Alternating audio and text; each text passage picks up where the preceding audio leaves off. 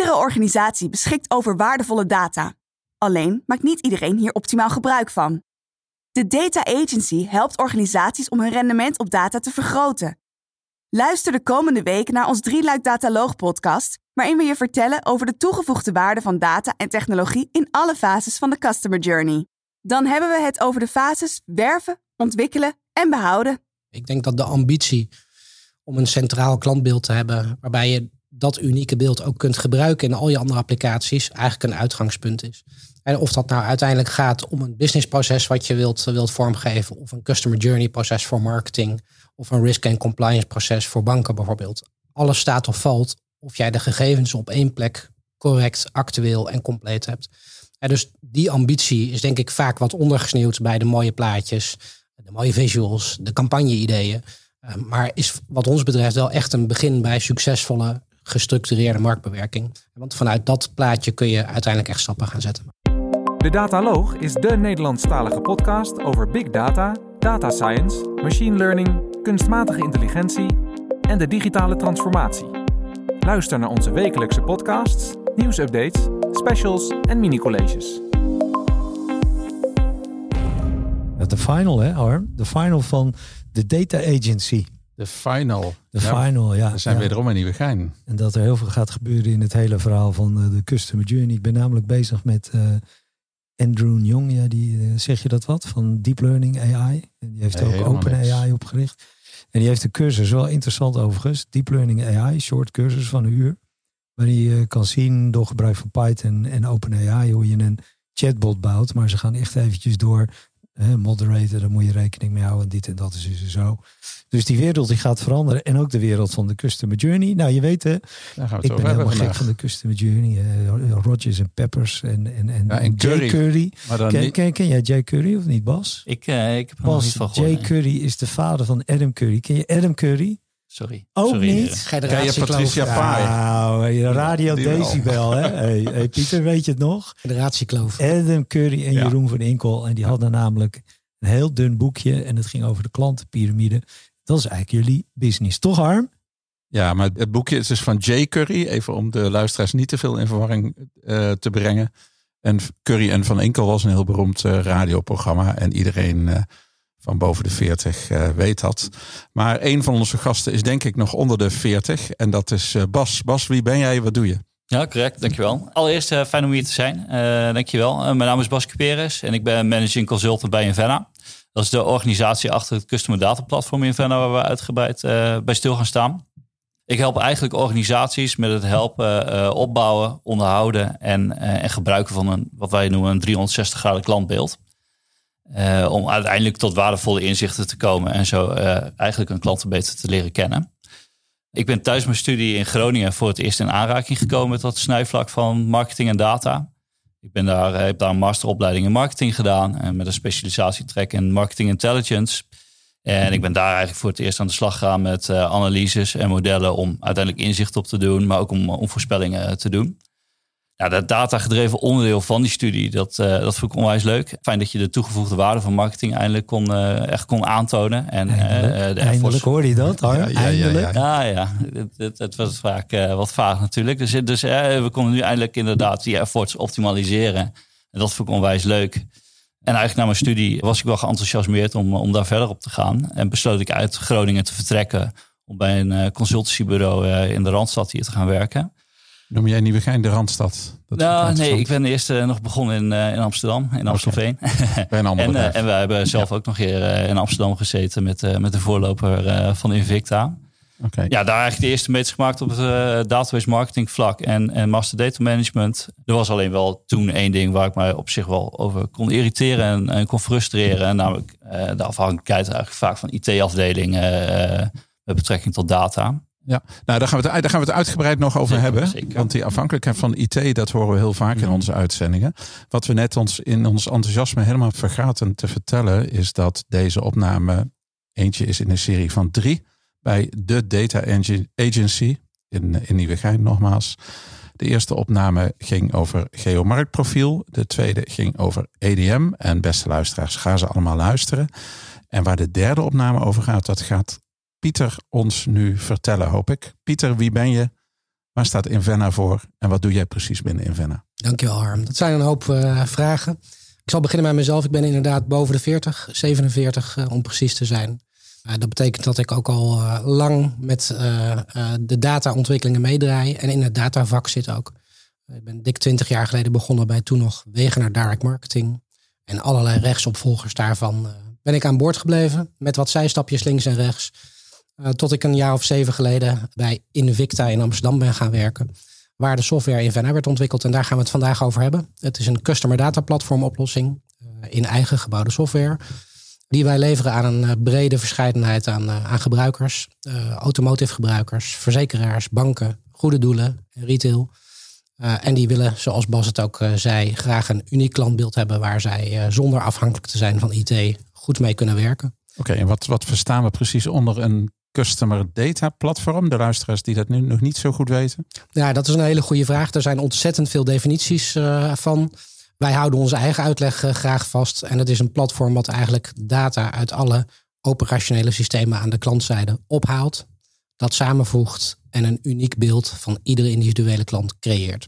Waar marketeers mee kunnen werken. Die systemen die kunnen natuurlijk heel verschillend zijn. Of Zeker. dat nou om een goede doelenorganisatie gaat of een bank. Ja, dat, kunnen hele moderne systemen zijn die je met een API makkelijk kan ontsluiten. Maar dat kunnen ook vreselijk oude legacy systemen zijn die op een hele andere manier uh, ontsloten moeten worden. Maar Invenna sluit overal op aan. Ik weet niet naar wie ik nu, van jullie ik nu moet kijken. Ja, Bas, Bas mag dat zeker uh, verder uit. Nee, ja, zeker. Pieter, uh, Pieter gaf het al aan. Uh, de wat modernere systemen ontsluiten we veel, veelal met API's. De wat legacy systemen gebruiken we vaak, of wel exports. Het kunnen CSV's exports zijn. Of, of we sluiten aan op een data warehouse om om zaken naar binnen te trekken.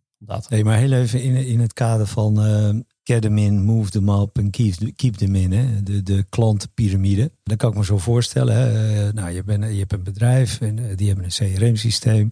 Nou, maakt niet uit wat. Salesforce, Dynamics. je hebt historisch wat klanten erin. Sales die, die stopt daar wat gegevens in.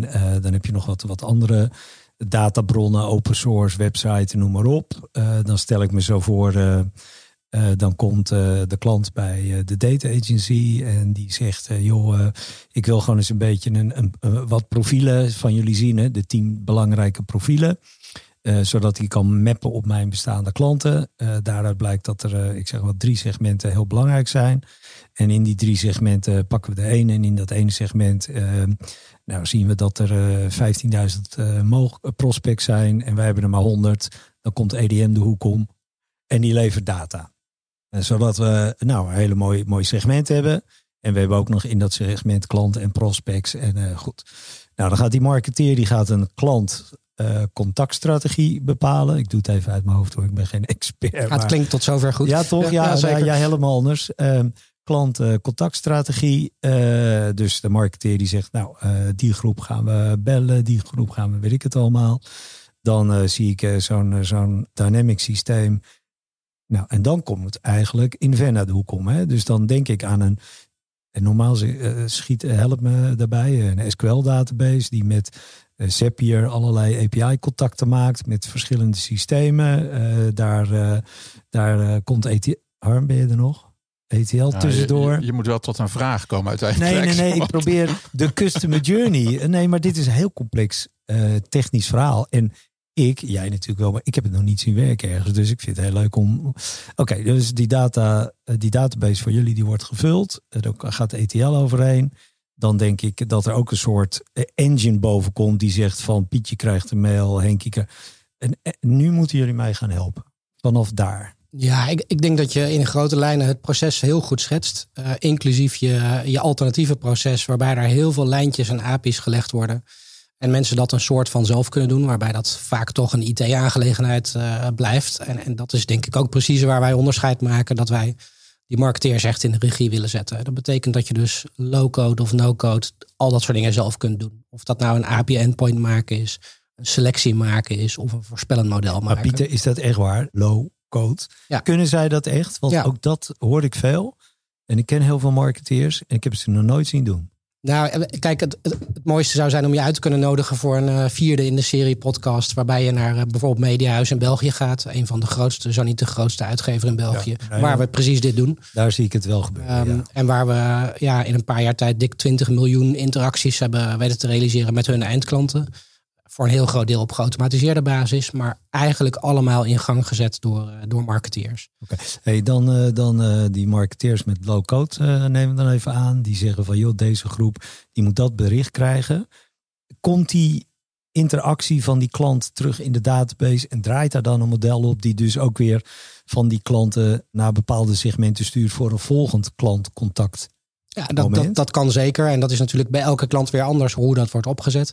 Maar elke gedraging, elke event wat er gebeurt, kan een trigger zijn voor een volgende interactie.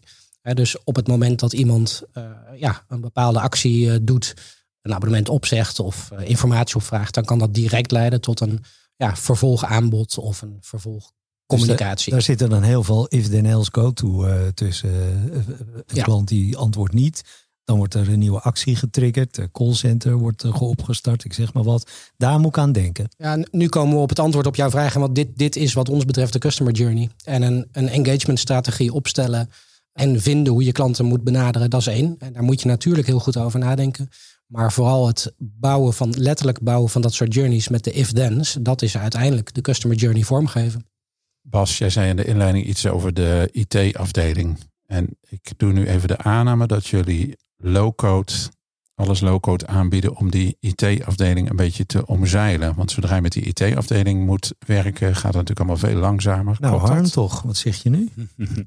nou ja, dat was wel mijn, eh, mijn ervaring. Eh, we hebben grote verzekeraars rondgelopen. dan ben je bij marketing aan het schakelen als database marketeer. Dan moet er een bepaald veldje in een eh, selectie eh, eh, ja, beschikbaar worden gesteld. Dan ga je de jongens van IT vragen. En dan eh, maar mag je over twee, drie maanden weer, eh, weer terugkomen. Omdat ze vol in het, eh, in het werk zitten. Ja, ik erger me er altijd heel erg aan. Dus ik vond het heel prettig zeg maar, om met Invenna daar ook zelf in de, in de regie voor te zijn. Ja, Pieter heeft het net natuurlijk ook wel een beetje toegelicht, de scope van een customer data platform. Maar er zijn eigenlijk twee zaken die gewoon heel belangrijk zijn bij zo'n customer data platform. En wat echt zo'n CDP definieert. Dus enerzijds is dat het ophalen van die brongegevens om echt een, een compleet klantbeeld te schetsen vanuit alle hoeken van de organisatie. En daar inderdaad dat zoveel mogelijk zelf willen doen. Eh, en anderzijds die connectiviteit met alle andere applicaties in je, in je landschap. Want je bent niet eh, een, een, een los eiland, maar hè, je, je maakt connectie eigenlijk met alle applicaties in het landschap, alle kanalen en alle bronsystemen om ook weer data terug te voeren. Hey, en wie, wie zijn jullie concurrenten of zijn jullie uniek? We zijn sowieso uniek, eh, uiteraard. Eh, maar we hebben vreselijk veel concurrenten. Eh, en dat kan variëren van een eh, partij die een e-mail-applicatie verkoopt, die dat verkoopt als journey automation oplossing. Wat natuurlijk een best een deeloplossing is voor het, het platform wat wij ook bieden. Je hebt allerlei ETL-achtige organisaties tot en met MuleSoft-achtige applicaties aan toe die heel goed zijn in ETL. Je hebt analytics pakketten, SPSS, SAS, Python. Daar integreren we gewoon mee, maar dit zijn ook losse concurrenten natuurlijk. Dus het is heel lastig om een eenduidig concurrentieveld eh, te benoemen. En je hebt ook nog de grote CRM-leveranciers, denk aan Salesforce, Dynamics, die natuurlijk ook claimen dat zij precies zoiets kunnen doen als wat wij doen. Maar daarvan zien we in de praktijk dat dat heel vaak niet werkt. En dat we daar echt op aanvullen en complementair zijn. Maar is de kracht van jullie platform dan dat het integraal is? Dat het eigenlijk de hele customer journey ondersteunt? Ja, de customer journey, maar zeker ook de data-regie. Uh, en ik denk dat dat vaak iets is wat blijft liggen, omdat een journey bedenken en bouwen, uh, dat is nog wel te doen, denk ik. Meerdere kanalen aansturen tegelijkertijd wordt vaak al lastiger. Maar vooral het stuk daarvoor om die dataregie echt op orde te hebben en dat ook te kunnen verspreiden in zo'n landschap. Dat is uh, eigenlijk iets wat we zelden of niet tegenkomen in één platform. En waarvan wij vinden dat we daar echt uniek in zijn. En waar blijft de data? Blijft die binnen de muren van de klant? Of hebben jullie een eigen cloud platform? Waar, waar, waar, waar zit die data? Ja, daar, daar zijn meerdere opties voor. Uh, eigenlijk het grote deel uh, zien we twee smaken. Ofwel het wordt geïnstalleerd op een, op een server bij een klant. Ofwel wij faciliteren een server. En we zijn nu ook druk bezig met uiteindelijk een, een SaaS-oplossing. Dus benaderbaar via de webbrowser. Waarbij we ja, echt de infrastructuur ook daar, daarbij leveren zodat een klant daar niet mee vermoeid wordt. Heel even terug, hè? want uh, eigenlijk is het al raar waar we het over hebben. Vind je niet? We hebben financiële systemen, we hebben productiesystemen, we hebben logistieke systemen. de klant centraal. Nou, je wordt er bijna met dood gegooid. Maar daar heb je echt een, een systeem zoals jullie hebben ontwikkeld voor nodig. Uh, en als ik jou, Pieter, hoor, een beetje zo'n mailpakket. Dat is het natuurlijk niet. Andere leveranciers die web analytics eh, leveren ook niet. Laten we gewoon eens een voorbeeld nemen. Hè. We hebben ook gedaan met, eh, met jullie collega's een, een autodealer. Grote autodealer. Nou, een netwerk in heel Nederland. Die data die wordt verzameld. Dan heb je natuurlijk een data management systeem wat reet interessant is voor de dataloog. Toch, Harm? Als je kijkt naar een auto, als ik kijk naar mezelf, ik ben zo standaard als wat. Ik kom om de vier jaar koop ik een nieuwe auto. En waarom? Omdat uh, de, de prijs die ik dan nog krijg voor mijn auto en de onderhoudskosten zodanig zijn dat het weer tijd wordt voor. Nou, ik zit uh, denk ik even in een segment. Dus uh, je kan op die database analytics doen. Daar zit ik in. En daar kan je een customer journey op, op zetten.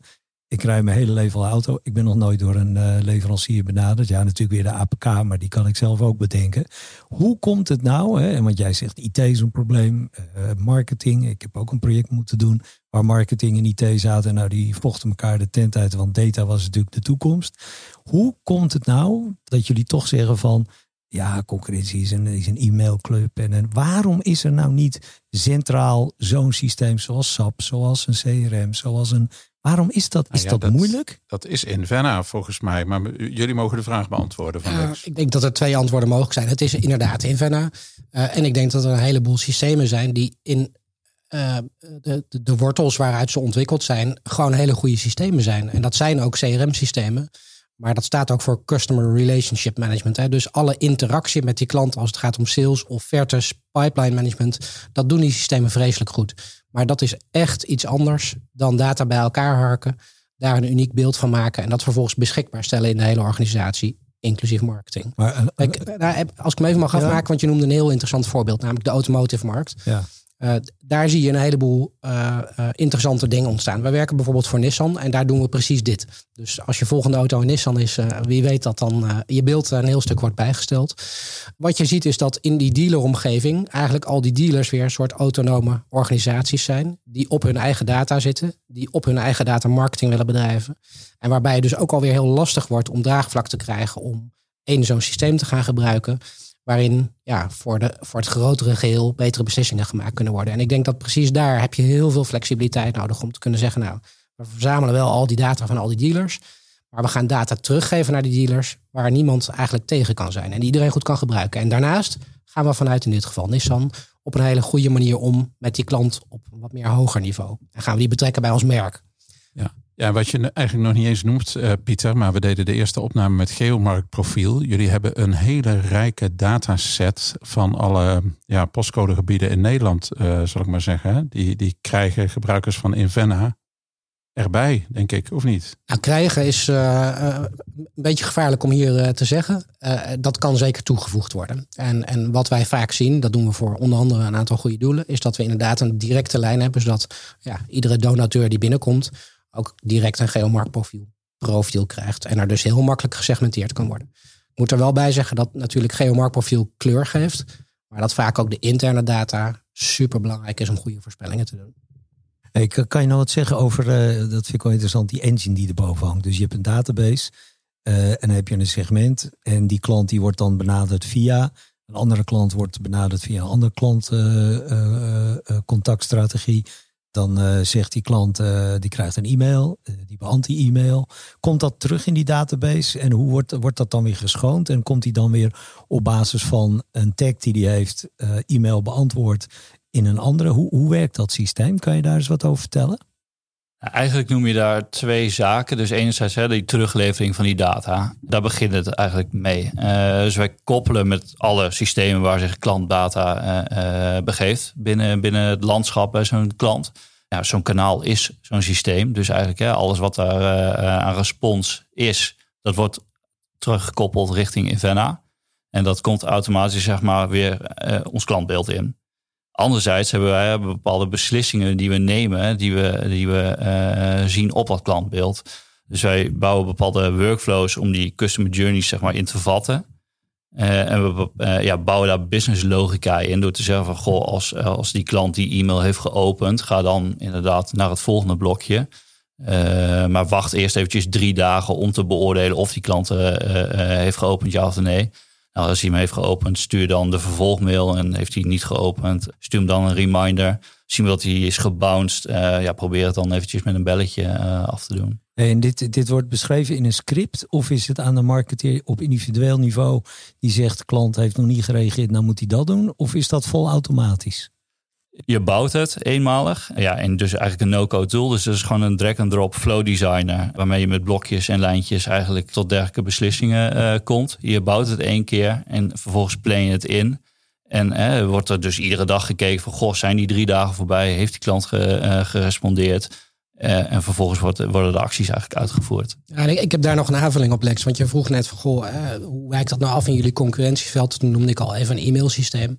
En daar kan je natuurlijk prima in volgen of iemand klikt of een e-mail bounced. Misschien zelfs of die respondeert als hij dat via dat kanaal doet. Wat er binnen Invenna gebeurt is natuurlijk dat we alle databases aftoetsen in termen van respons. Dus een open is wel degelijk een respons, maar een order kan ook via een winkel komen. En dan kan die nog steeds gelinkt worden natuurlijk aan die specifieke klant. En juist daarvoor is dat integrale klantbeeld zo belangrijk. En kun je dus niet vanuit een losse tool dat soort processen goed managen. Misschien een hele rare vraag, maar we gaan er vanuit dat alle marketingkanalen tegenwoordig digitaal zijn. Maar dat is natuurlijk helemaal niet zo. Zeker goede doelen werken volgens mij tenminste nog veel met brieven, zeker, post. Zeker. Die kanalen vangen jullie ook op in het eh, platform? Ja, absoluut. Uh, nee, zeker die DM's, dat is een onwijs belangrijk uh, kanaal voor de, voor de goede doelen. Want er wordt super op gerespondeerd en de conversies zijn daar veel hoger op dan, uh, dan bijvoorbeeld een e-mail. Dus nee, zeker. Wij leveren DM's uit bij de DM-bureaus. we geven kenmerken mee. En zodra daar dan weer natuurlijk een bedrag wordt overgemaakt, zien we dat weer terug in onze in onze data. we hebben het ook met jullie collega's gehad over technologie gaat zo snel. En we blijven maar die oude organisaties houden. Hè, van financiën, marketing en techniek. En jullie zitten natuurlijk met die customer journey. En met name met die, met die hele belangrijke technische tool die het ook faciliteert om een customer journey ook echt uit te voeren. Als ik nou tegen jullie zeg, hoe moet een organisatie er nou uitzien om hier optimaal van te kunnen profiteren? Ook met de toekomstige technische ontwikkelingen. Wat zouden jullie dan veranderen in organisaties? Ja, dat is een hele ingewikkelde vraag, omdat ik denk dat dat niet eenduidig over alle organisaties zo gezegd kan worden. Ik denk dat de ambitie om een centraal klantbeeld te hebben, waarbij je dat unieke beeld ook kunt gebruiken in al je andere applicaties, eigenlijk een uitgangspunt is. En of dat nou uiteindelijk gaat om een businessproces wat je wilt, wilt vormgeven, of een customer journey proces voor marketing, of een risk and compliance proces voor banken bijvoorbeeld. Alles staat of valt of jij de gegevens op één plek correct, actueel en compleet hebt. En dus die ambitie is denk ik vaak wat ondergesneeuwd bij de mooie plaatjes, de mooie visuals, de campagne-ideeën. Eh, maar is wat ons betreft wel echt een begin bij succesvolle gestructureerde marktbewerking. Want vanuit dat plaatje kun je uiteindelijk echt stappen gaan zetten. Maar ik hoor duidelijk IT, ik hoor ook duidelijk marketing. Uh, daar hang je dan tussenin. Moet er dan niet een afdeling komen, de technisch marketeer? Of?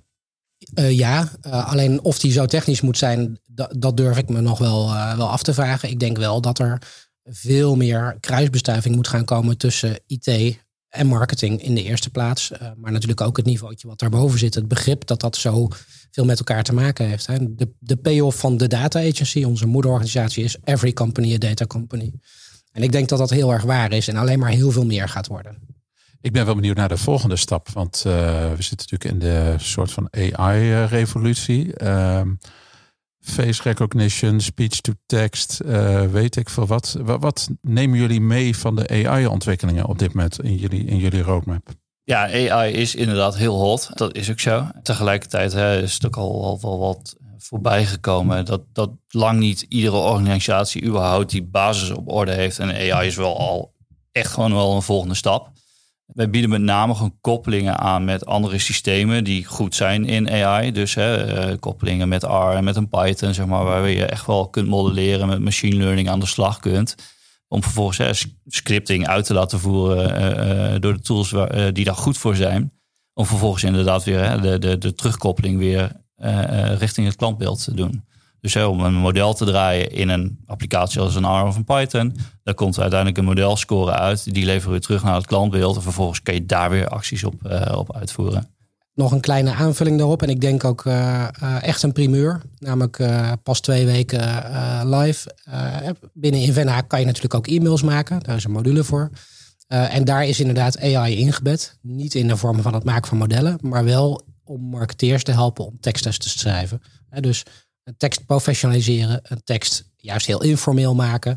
Dat zijn allemaal functies die uh, ook in Invenna zitten, waarbij je eigenlijk als marketeer een basistekst gaat schrijven. Wat wil je jouw klanten laten weten? En vervolgens de AI eigenlijk de tekst laat herformuleren. Oké, en daar gebruik je Open AI functionaliteit voor, vermoed ik. Ja, dat zit in onze HTML-editor ingebouwd. Ja. Hey, gave materie. En ik zie het helemaal zo voor me. En Arm en ik mogen ook af en toe wat bedrijven eh, bezoeken. Hoeveel procent van de bedrijven in Nederland hebben nou echt een goed werkende customer journey? Kunnen jullie me daar nou eens bij helpen?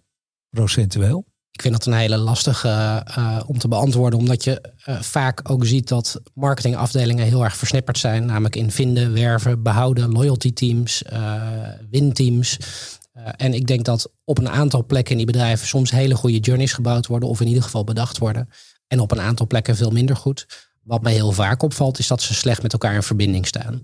En dat daar nog een hele grote stap te maken is voor veel Maar is het nou 5% 50% 75% Ja, ik denk eerder dat je inderdaad in de categorie 20% moet denken van bedrijven die dat echt op orde hebben, daarop investeren en ook begrijpen waarom dat zo belangrijk is. Ja. En, en hoe komt het dat dat 20% is? Is dat technologisch moeilijk? Is het, is het moeilijk uh, verschillende afdelingen, mensen die niet... Wat, wat is daar het probleem? Ik denk dat er vreselijk veel ideeën leven bij, bij organisaties. En, en, en daar zou je ook eigenlijk een knip moeten maken tussen ja, de wat meer corporate grote organisaties. En natuurlijk een heleboel MKB'ers en kleine organisaties die sowieso te dealen hebben met ja, mensen die uh, heel veel verschillende dingen moeten doen. Waar dat ook al lastig is, maar ook binnen de corporates uh, denk ik dat dat nog best een hele grote uitdaging is vaak. Goed, hey, vertel eens een hele gave use case. Ik heb er zin in. Harm, jij? Zekers. Vertel Bas. Nou, top, dankjewel. Uh, eigenlijk heb, heb ik er eventjes twee meegenomen. Die van het Rode Kruis en die uh, van Mediahuis uh, België, waar, waar Pieter al naar verwees. Nou, om het Rode Kruis te beginnen, daar werken we eigenlijk al sinds 2017 mee, mee samen.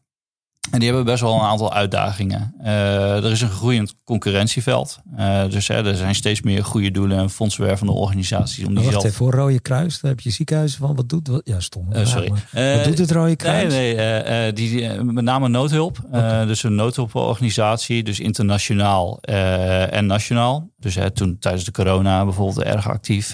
maar ook op het moment dat er ergens een aardbeving is op deze wereld. Ja, is, het een fondswervende organisatie voor dat voor, voor dergelijke rampen. En daarnaast hebben ze ook echt, richten zij zich op EHBO. dus het aanbieden van EHBO-cursussen en, en, en kennis in, in Nederland.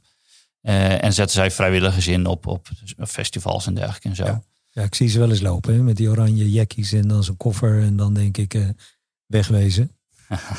Als ja, je ze nodig hebt niet, maar... Precies, precies. Ga door. Ja, ik zei het al, groeiend concurrentieveld. Uh, er zijn steeds meer fondswervende organisaties eigenlijk uh, op de markt die strijden om diezelfde euro. Uh, daarnaast zitten ze met nou, een hoop veranderende wet en, en regelgeving.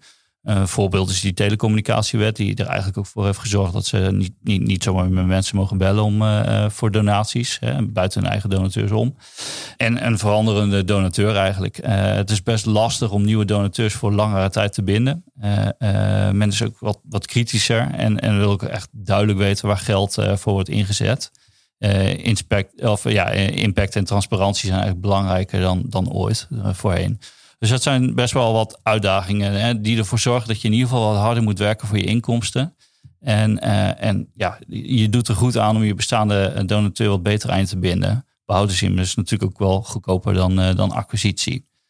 Uh, ja, dus voor, voor dit stuk, daar helpen wij ze bij. Dus inderdaad, om dat 360 graden donateursbeeld dan in dit geval op te bouwen.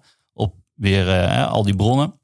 Dat beeld wordt vervolgens weer ingezet voor al die omnichannel campagnes en de daarbij behorende rapportages en, en dashboards. En dat heeft de afgelopen jaren in ieder geval gezorgd voor, voor miljoenen interacties, eh, terwijl het de organisatie zelf nauwelijks onderhoud kost. Op die manier kunnen we die donateur weer beter binden en betrokken houden. En uh, ja, sinds de campagnes met Invenna worden uitgevoerd, spreken we in ieder geval van hele positieve resultaten. Waarbij we, als we kijken naar gifverzoeken en e-mails, om iets te noemen, eigenlijk al een uplift hebben uh, verzorgd van 35 procent. Oké, een vraagje tussendoor, ja, uh, Bas. De Rode Kruis is een internationale organisatie natuurlijk. Ja. Wordt het platform ook internationaal gebruikt of alleen in Nederland? op dit moment in Nederland. Uh, maar we staan er zeker voor open om, uh, om die internationale uh, organisatie ook op te zoeken. Hey, en, en heel even gewoon systeemtechnisch. Hè? Dus er zijn allerlei databases, lokaal bij de Rode Kruis. jullie trekken die data naar binnen. Dan draait een ETL-machine. maar kan jij het nu verder overnemen? Ja, correct. Ehm, inderdaad, heel veel verschillende bronnen, CRM-systemen, actieplatform. Over hoeveel bronnen praten we?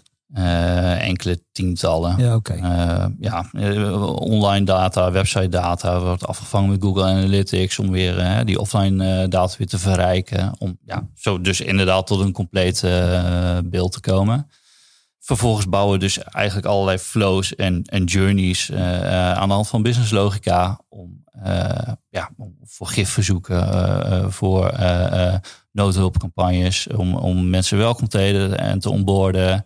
Uh, op het moment dat we zien uh, dat het uh, uitstroomrisico hoog is, worden er bepaalde acties ingezet. Dat doen die marketeers? Ja. Oké, okay. en ze mogen, die, wat je zegt, hè, telemarketing, weet ik het, dat kan allemaal niet meer. Wat, wat doen ze nu dan? Komen ze bij mij aan de voordeur en dan eh, moet ik één keer in de maand betalen, zoiets. Wat doen ze nu dan? Nee, dat, dat is zeker nog wel een grote inkomstenstroom. Dus inderdaad, daar waar telefonie uh, minder is geworden, omdat je geen nieuwe mensen meer op mag bellen, alleen je bestaande donateursbeest, is straatwerving en, en, en deur-aan-deurwerving zeker een, een belangrijke inkomstenbron.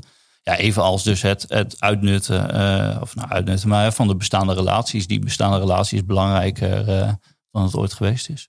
En, en die straatwerving is natuurlijk wel een haat-liefde kanaal. Hè? Laat, dat duidelijk zijn. Want uh, uiteindelijk zijn, of dat nou het Rode Kruis is of andere fondswervers, die zijn heel erg gebrand op het zoveel mogelijk euro's besteden aan hun doel. Uh, en het betalen voor straatwerving is daar geen van. Hè? Dus, dus wat, wat, we natuurlijk proberen met elkaar is om ervoor te zorgen dat ze zoveel mogelijk via andere kanalen uh, en op een andere manier donateurs kunnen binden, vinden, behouden en, en misschien ook voller maken. Ja. En volgens mij is het, uh, het Rode Kruis zit toch ook achter de grote Giro 555 uh, campagnes. Dus er moet, als er ergens een ramp gebeurd is, moet er ook enorm opgeschaald worden. Uh, voorziet het platform daarin? En zo ja, hoe?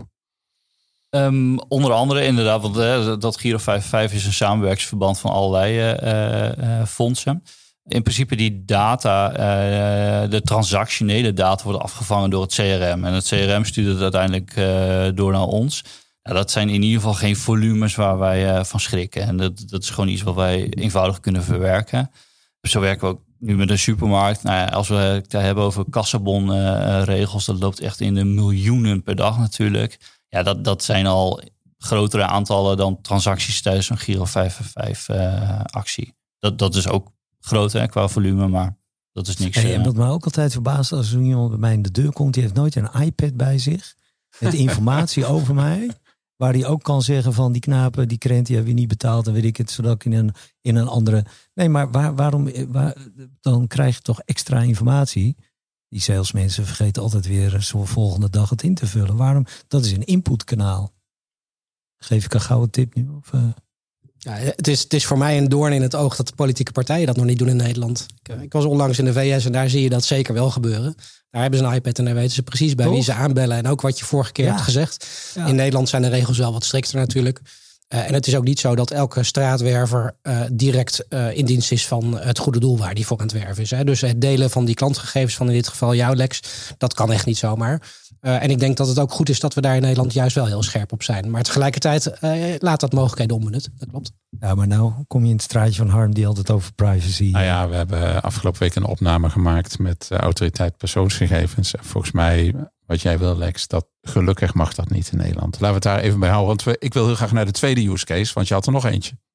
Zeker. Uh, Mediahuis België. Uh, misschien Mediahuis als merk natuurlijk iets minder uh, bekend dan het Rode Kruis. maar het is eigenlijk een grote internationale of een Europese mediabedrijf. wat eigenlijk met name groot is geworden door allerlei overnames en, strategische fusies.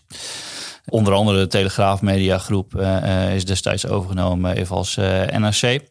Ja, wij zijn zelf uh, uh, zowel voor dat onderdeel Telegraaf Media, of het voormalige Telegraaf Media Groep, als, als voor Mediahuis België actief. Ja, Mediahuis België is dus ook, ja, bestaat sinds 2013 ook weer gefuseerd en allerlei merken bijeengekomen, steeds verder gegroeid. ja, waardoor je dus eigenlijk heel veel verschillende bronnen, heel veel verschillende systemen binnen die, binnen die organisatie hebt de vraag die ze destijds bij ons neer hebben gelegd, was dus inderdaad echt die, die, journeys kunnen bouwen. Uh, ja, daar konden we eigenlijk perfect invulling aan geven, omdat we dus ja, nogmaals al die bronnen dus ontsluiten, daar weer een, een, een klantbeeld op maken en ze kunnen helpen die, die journeys op te tuigen. Ook daar zijn de aantallen, want we werken nu samen sinds 2020, Pieter, zeg ik dat goed? Ja, dikke drie jaar volgens mij ja, ook, daar de aantallen zijn echt gigantisch aan, aan, uh, aan interacties die we daar hebben gerealiseerd in, in die tijd.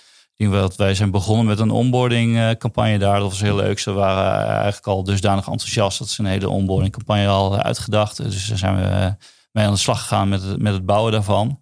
Ja, sinds 2020, volgens mij eind 2020 is die onboarding campagne live gegaan.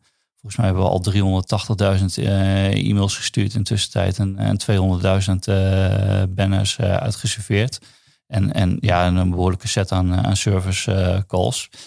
En ja, ze zijn er eigenlijk daarna vol doorgegaan met, met het ontwikkelen van allerlei nieuwe flows. ja, we hebben ze daarbij geholpen. En, zijn... Hoe lang duurt het onboorden voor een gemiddelde klant? Stel, ik besluit vandaag ehm, voor Invenna te kiezen. Hoe, en ik ben een ik veel, een, een middelgrote verzekeringsmaatschappij, ik zeg maar even wat. Hoe lang duurt het onboorden gemiddeld? Het hangt er een beetje vanaf hoe de verzekeringsmaatschappij in het verleden heeft bewogen. Als je ook overnames hebt gedaan en uh, bijvoorbeeld heel veel legacy systemen in je landschap hebt, dan zijn we wat voorzichtig. Uh, maar je moet een tijds, tijdscope ongeveer van 6 tot 15 weken rekenen voordat wij echt operationeel zijn. En dat is echt vreselijk snel. En, en, en, hebben jullie een, een, een, kern die altijd hetzelfde is en daar bouw je dan custom made op? Is alles custom made? Um, nee, het is eigenlijk uh, allemaal standaard software. En ik denk dat het een heel groot voordeel is voor onze klanten, want het is dus schaalbaar en onderhoudbaar. Wat wel volledig flexibel is, is het datamodel wat wij gebruiken. Uh, en dat is ook best wel heel uniek. Het betekent onder andere dat we in staat zijn om data uit heel veel verschillende bronnen ook weer in dat klantbeeld op te nemen. Dus of dat nou legacy systemen zijn of dat dat moderne systemen zijn, dat komt allemaal samen op die manier. Tja, ik vind het wel interessant, jij ja. niet?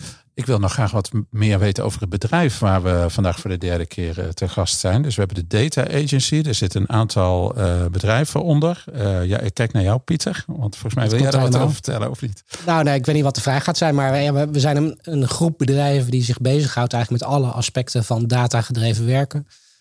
filosofie, every company is een data company. Ieder bedrijf in Nederland gaat meer en meer met data te maken krijgen. Gaat ook meer en meer van afhankelijk zijn.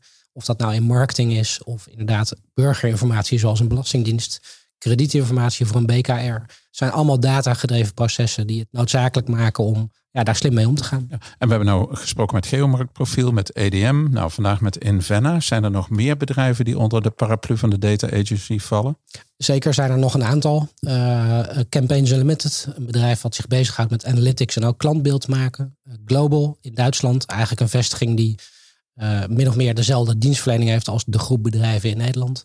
En Human Inference in Arnhem. Een bedrijf wat zich heel erg richt op master data management en datakwaliteit. Hey, en, en uh, Pieter, wat mij interesseert is, uh, nou Harm en ik, wij lopen al een tijdje in de wereld het evangelie van every company is a data company. Hè? dat betekent ook dat je een hele andere manier moet werken. Dat heel veel medewerkers bang zijn voor data. En wat betekent dat en noem maar op. wat mij intrigeert is, dat betekent dat die bedrijven moeten veranderen. Maar jullie hebben geen consulting tak. Die dus zegt van joh, weet je, wij kunnen de, eh, de, de marketing en de technologie uh, combineren. Uh, we hebben EDM, we hebben MarktGeo, we hebben Invenna, we hebben, nou, we hebben van alles en nog wat. Uh, maar dan kom je bij die CEO die denkt, ja, je hebt helemaal gelijk, maar hoe ga ik dat in hemelsnaam doen? Waarom hebben jullie geen consulting tak die dit helemaal in elkaar klikt? Ik moet je aanname helaas van tafel vegen, die hebben we zeker wel. Oh, um, we, hebben heel veel, uh, we hebben heel veel over Invenna gepraat als softwareplatform. Dat is natuurlijk, hè, wij maken Invenna zelf. We implementeren het ook zelf en daar zijn consultants voor nodig. En in het verdere traject staat het klanten vrij om dat volledig zelf te besturen en te bedienen. Wat veel klanten ook doen. Er zijn ook klanten die zeggen, nou, ik wil graag een dag per week of een dag per maand support van jullie hebben om mij te helpen meer data gedreven te worden en de juiste dingen te doen met dat platform. Maar er zijn ook klanten die zeggen, nee, ik wil heel graag dat platform van jullie. Uh, maar ik heb niet de skills, de capaciteit, de teams om daarmee te werken. Kunnen jullie alsjeblieft drie dagen per week voor ons alles doen wat nodig is om dat platform te bedienen? Uh, en dat is precies ons businessmodel eigenlijk. Nou, ik, ik heb het eigenlijk niet zozeer over invennen, maar meer Dat snap hoe, ik. hoe een bedrijf data gedreven kan worden met betrekking tot, tot de klant centraal stellen. Dat is wel echt een heel moeilijk proces voor heel veel bedrijven. Dat is een heel moeilijk proces, maar ook voor ons een heel moeilijk proces. Omdat we natuurlijk de slager zijn die zelf zijn, eh, zijn vlees keurt. Als we dat zouden, zouden doen. Eh, en en ja, wij zoeken eigenlijk altijd naar trusted eh, partners die snappen wat wij doen. Die ook op de juiste plek, bij de juiste vraagstelling ja, kunnen meedenken wat wij, wat wij daar kunnen doen. We hebben best ambities om dat zelf te doen ook. Maar we moeten wel echt blijven opletten dat wij ook gewoon iets komen brengen. Los van advies. Een super interessant verhaal. Is er nog iets, ehm, heren, wat jullie aan de luisteraars willen meegeven tot slot van deze opname? Bas, je mag ook even nadenken. Dan ga ik de eerste vraag aan Pieter stellen. Ja, ik, ik vind het vreselijk interessant om, om te horen wat mensen drijft als ze het over data hebben. Want iedereen vindt het een interessant topic. Maar bij heel veel bedrijven stopt het eigenlijk al vrij snel. En is data, datagedreven werken zijn een soort van containerbegrippen. Uh, ik, zou mensen wel willen uitdagen om één stap verder te denken. En, en ook vooral sparringpartners te zoeken. En dat kan een leverancier zijn zoals wij. Uh, dat kunnen hele andere collega's, uh, kennissen zijn. Maar blijf vooral praten over hoe je data goed kunt gebruiken. En hoe je daar het maximale uit kunt halen. Dat gebeurt nog denk ik te weinig. Ja, en ik denk daarop aansluiten, houd het vooral ook misschien klein. Als je, als je nog niet weet waar je, waar je het moet zoeken, ga gewoon die eerste stappen zetten. Ga zien wat het je oplevert. Uh, blijf er kritisch op. Ga dat testen. En, en ja, je, je ondervindt, ondervindt er vanzelf de waarde uh, van. En je kan ja, beter een paar kleine stappen zetten dan dat je nooit een, uh, een stap durft te zetten. Ja. Nou, ik denk dat dat wat goede adviezen zijn. Ja, nee, vooral wat Bas zegt. Inderdaad, klein beginnen, resultaat laten zien en dan weer de volgende stap. Gaaf. Customer Journey hebben wij. Customer Journey bij de Dataloog, uh, Harm. Ik heb zo meteen een journey naar huis. Dat is mijn eerste journey. Oké, okay, nou laten we het daar dan bij houden. Dank jullie wel, heren. Ja, dankjewel. Bedankt. Bedankt voor het luisteren naar deze uitzending van de Dataloog. Vond je onze podcast leuk, goed, interessant of wellicht te veel ene en nullen? Laat een review achter of geef thumbs up. Heb je vragen of opmerkingen? Kijk dan ook eens op www.dedataloog.nl. Hier staan ook de show notes van alle uitzendingen. Je vindt onze nieuwe uitzendingen wekelijks op iTunes, Stitcher, Spotify en alle andere bekende podcastplatforms. Alles wat wij maken doen we onder Creative Commons. Je mag alles hergebruiken voor niet-commerciële doeleinden, zolang je ons als bron maar noemt. Volg ons op Twitter op @dedataloog. Graag tot de volgende keer.